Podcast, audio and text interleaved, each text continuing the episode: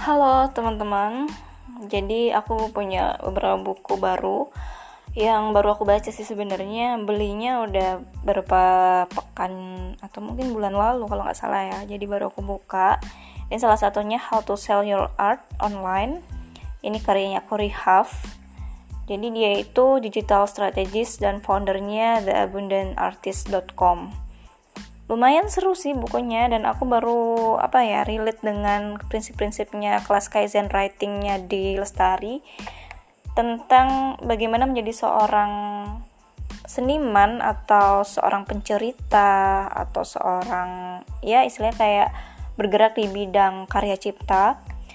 Itu menjadi orang yang berdaya dari karya bukan yang miskin merana kayak gitu jadi gimana caranya hidup kreatif dengan cara sendiri terus belajar dari kisah-kisah sukses. Dan banyak sekali hal yang aku tahu bahwa di sini kita secara manusia-manusia yang bekerja di industri kreatif ya terutama kayak aku pribadi kan nulis gitu dan ada beberapa teman juga yang di bekerja di bidang konten kreator, ada yang animator, ilustrator dan seterusnya. Itu memang sangat relate dengan buku uh, How to Sell Your Art Online. Jadi ya dulu aku punya pemikiran begini. Ya udahlah yang online online tuh terserah lah yang online online aja kayak gitu. Nggak usah lah aku online onlinean juga gitu karena menguras waktu gitu kan. Tapi semakin seiring waktu berjalan, aku baca buku ini dan sebelumnya juga aku pernah baca beberapa post blog juga. Jadi kita nggak bisa apa ya melawan dunia yang ada saat ini gitu. Sila kayak mungkin oke okay lah tahun 2000-an masih konvensional gitu ya. Misalnya kayak uh, offline by offline gitu. Kayak istilah sistem uh, ke digital itu mahal sekali. Kalau sekarang kan kebalikannya justru sangat murah dan sangat efisien ketika kita mempromosikan sesuatu itu melalui platform digital.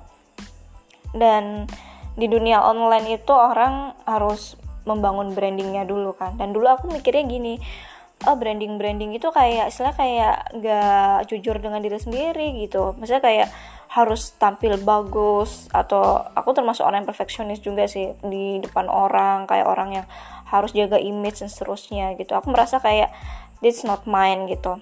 Ini bukan aku banget gitu. Tapi semakin waktu semakin waktu aku justru uh, banyak baca beberapa buku aku jadi tersadar gitu bahwa sebenarnya making your brand itu atau setelah kayak membuat branding itu se semudah kita untuk membuat diri kita lebih baik gitu ya. Bukan uh, stuck dalam satu zona nyaman yang ya udahlah ini emang gue kayak gini gue nggak bisa berubah gue ya gue gitu. Lo mau terima gue atau enggak ya udah terserah lo kayak gitu.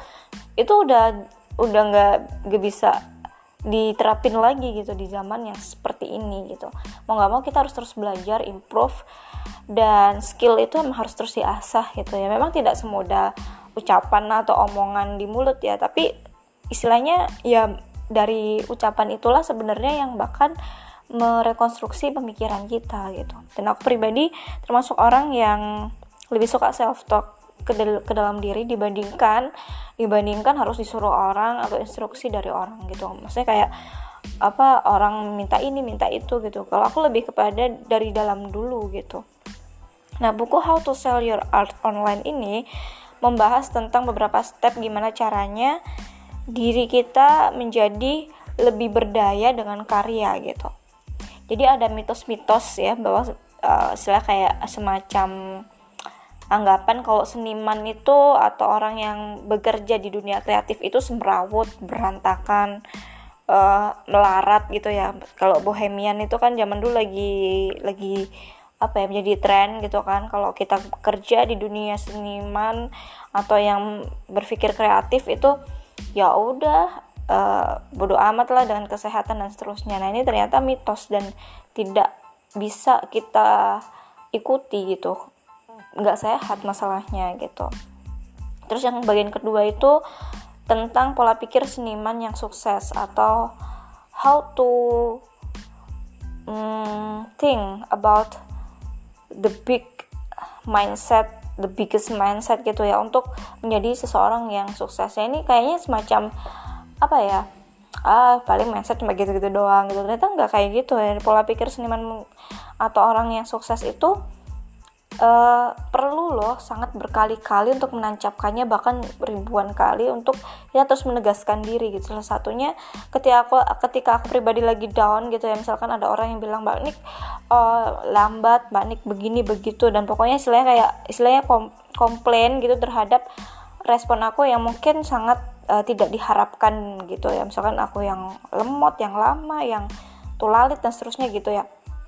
Itu aku kadang jadi kayak jadi sakit hati jadi kayak aduh kok aku jadi nurutin orang-orang yang sebenarnya uh, membuat aku malah jadi jatuh kayak gitu ya. Itu awal mulanya aku merasa kayak sakit gitu. Nah tapi dengan pola pikir yang baru aku jadi kayak loh iya itu ucapan mereka gitu kan. Ucapan mereka ya ucapan mereka gitu. Diriku ya diriku. Jadi saya kayak sebenarnya nggak ada komparasi nggak ada hubungan antara ucapan orang dengan diriku. Kalau emang diriku genuine emang seperti ya lagi berproses ya lagi aku memang mengkondisikan agar jiwaku dan hatiku ini lebih nyaman ya nggak apa-apa gitu. Kalau emang seperti yang mereka harapkan tidak sesuai ya nggak masalah gitu loh. Maksudnya apa ya perubahan itu bukan karena omongan orang gitu masalahnya. Masalahnya kalau sekarang ngikutin sila ucapan-ucapan netizen atau orang-orang yang mungkin nggak kenal dengan diri kita di dunia nyata gitu. Ini banyak sekali masalahnya kan. Orang Indonesia itu sangat gagap terhadap uh, digital dunia digital. Jadi kayak masal misalnya meluapkan emosi ke jempol-jempol mereka dengan tanpa berpikir kemudian uh, mengatakan segala sesuatu yang tanpa uh, membuat orang istilahnya kayak tanpa memikirkan dampaknya kayak gitu ya. Dulu mungkin aku termasuk orang yang reaktif juga misalkan kayak ada ya masalah apa gitu ya aku ungkapin tapi sekarang aku semakin ke sini jadi semakin mikir juga gitu. Sebenarnya uh, how to impact uh, gimana cara impact yang ini tidak. Soalnya gini loh ada orang yang orang yang sangat nggak tahu ya nggak pernah ketemu nggak pernah jumpa nggak pernah ngobrol bahkan. Nggak pernah tetap muka mungkin ya. Tapi bencinya setengah mati gitu loh ke seseorang gitu. Itu aneh sih menurut aku. Maksudnya kayak nggak bisa dimasuk ke akal tapi ada yang kayak gitu gitu. Karena ada kasus juga ketika aku mengungkapkan suatu ke kecewaan ke dalam status kemudian dia screenshot kemudian dia taruh tuh ke orang dan dibuatlah semacam kayak hmm, istilahnya kayak uh, pengaduan gitu ya. Dan akhirnya membuat bara api gitu di antara uh, masalah yang sebenarnya sudah clear kayak gitu. Aneh sih dan aku jadi kayak geli juga sih kadang kayak ada ya manusia seperti ini gitu. Bahkan ya itu menjadi uh, salah satu hal yang membuat aku lagi jadi berpikir ulang gitu. Maksudnya kayak aku jadi kayak uh, bener nggak sih yang aku lakuin gitu? Jadi kayak udah aku lebih hati-hati lagi gitu. Karena itu tadi. Ketika pola pikir seseorang itu dan negatif ke seseorang maka mau sepositif apa pun orang itu nggak bakal dia bisa terima gitu tolak terus gitu pun. Demikian dengan hidup kita gitu. Kalau kita memang merasa aku nggak pantas aku emang cumanya bisa begini ya udah sampai situ aja gitu. Dan kadang masalahnya ada orang yang kayak membuat apa ya membuat semacam uh, apa ya pelemparan nasib kali ya. Kayak ini aku begini gara-gara or lo kayak gitu misalkan kayak gitu. Sebenarnya ini nggak make sense sih. Maksudnya kayak apa ya dia menyalahkan sesuatu karena orang lain padahal sebenarnya diri sendiri yang salah kayak gitu. Dan yang cukup menggelikan sampai sekarang itu itu tadi si kasus ketika ada seseorang nggak tahu kenapa bisa benci banget padahal juga kita nggak tahu nggak kenal dan itulah yang sebenarnya aku lihat juga di fenomena fenomena artis beberapa selebgram beberapa ya temen yang jadi public figure gitu kan. Kemudian seorang teman juga bilang ini loh ada orang yang seperti ini sedemikian nggak tahu kenapa ya nggak kenal juga gitu bahkan ketemu aja enggak. Kadang aku juga ya iya sih ngapain ya lucu sih. Maksudnya bisa seperti itu gitu aneh kan? Fenomena apa ini gitu dan ya mungkin uh, tidak hanya di zaman sekarang ya zaman dulu pun juga ada gitu. Bahkan orang mendengar kata uh, misalkan ada seorang yang baik di negeri A gitu. Kemudian dia begitu bencinya padahal nggak pernah ketemu ya. Banyak sekali lah fenomena kayak gitu. Ya intinya kalau menjadi seniman yang sukses dengan pola pikir sukses itu kalau di buku ini ya kita harus mau berpikiran terbuka gitu. Karena gimana kita bisa saya kayak apa dealing with yourself dulu sebelum kamu bisa deal dengan orang lain gitu. Dengan lingkungan dengan klien dengan segala hal yang berkaitan dengan eksternal gitu. Jadi PR banget ya. Maksudnya uh, mainannya ya mainan pola pola pikir gitu. Kemudian yang ketiga itu how to sell your art online ini uh, uniquely gitu. Jadi istilahnya kayak kita itu walaupun satu subjek ya misalkan kayak Mario Kondo dengan home edit gitu ya. Mereka satu subjek how to tidy your space your home. Pokoknya bagaimana caranya bisa berbenah. Tapi subjeknya beda gitu. Apa subjeknya sama tapi uniquely-nya beda gitu. Jadi kayak nggak bisa di comparing gitu. Dan memang uniquely setiap seseorang itu sangat sangat spesifik nggak bisa disamakan. Jadi makanya kalau misalkan comparing your class your subject itu jangan uh, comparing kamu dengan orang tapi comparing dirimu dengan diri yang dulu gitu. Misalkan nih aku. Aku dulu sangat gak suka kalau misalkan ada orang yang istilahnya nyama-nyamain kayak gitu. Misalkan aku jalan A dia ikutan A. Tapi semakin ke sini aku semakin belajar.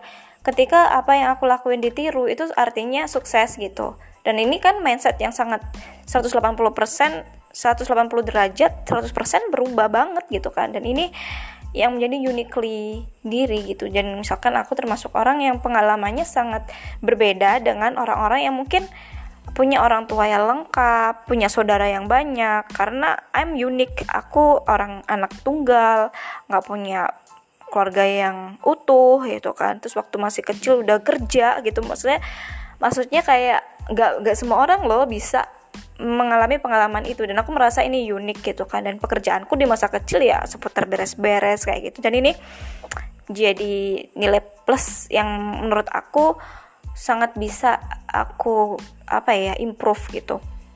Nah misalkan orang uh, istilahnya kayak aku bisa bisa me, istilahnya menggabungkan antara berbenah dengan healing gitu. Dan ini adalah uh, pros, pro, proses yang sangat panjang antara aku di masa kecil sampai saat ini. Jadi kayak istilahnya orang itu mungkin berbenah ya berbenah biasa aja gitu. Tapi menurut aku itu berbenah itu ya powerful to heal myself gitu. Jadi kayak orang nggak bisa uh, mungkin orang bisa yang ngikutin metode berbagai macam tapi untuk skill yang terkait hal ini aku bisa gitu. Ini menurut aku ya maksudnya aku pribadi perlu mengapresiasi diri masa kecilku gitu. Ini uniquely uh, uniknya gitu. Dan aku suka nulis suka baca dan istilahnya aku nggak terlalu relate dengan kehidupan yang sangat terkat dengan seseorang gitu. Karena aku dari kecil tuh ya memang lonely kecil itu sendirian terus suka punya temen buku-buku gitu terus suka istilahnya ya udah I'm doing with my universe gitu. Saya kayak ngerjain segala sesuatu dengan pemikiran sendiri gitu nggak nggak istilahnya nggak ada lah kayak ikut geng atau apa gitu ya. Mungkin baru ngegeng ngegeng itu pas udah gede. Tapi itu pun udah misalnya kayak cuma sekedar apa ya seremonial gitu kemudian yang keempat uh, karya kita nggak bisa ngejual dirinya sendiri jadi kita harus selling. Nah ini adalah ini agak panjang bahasanya. Kalian baca aja bukunya karyanya Corey Huff judulnya How to Sell Your Art Online. Oke okay, sekian podcast hari ini. Bye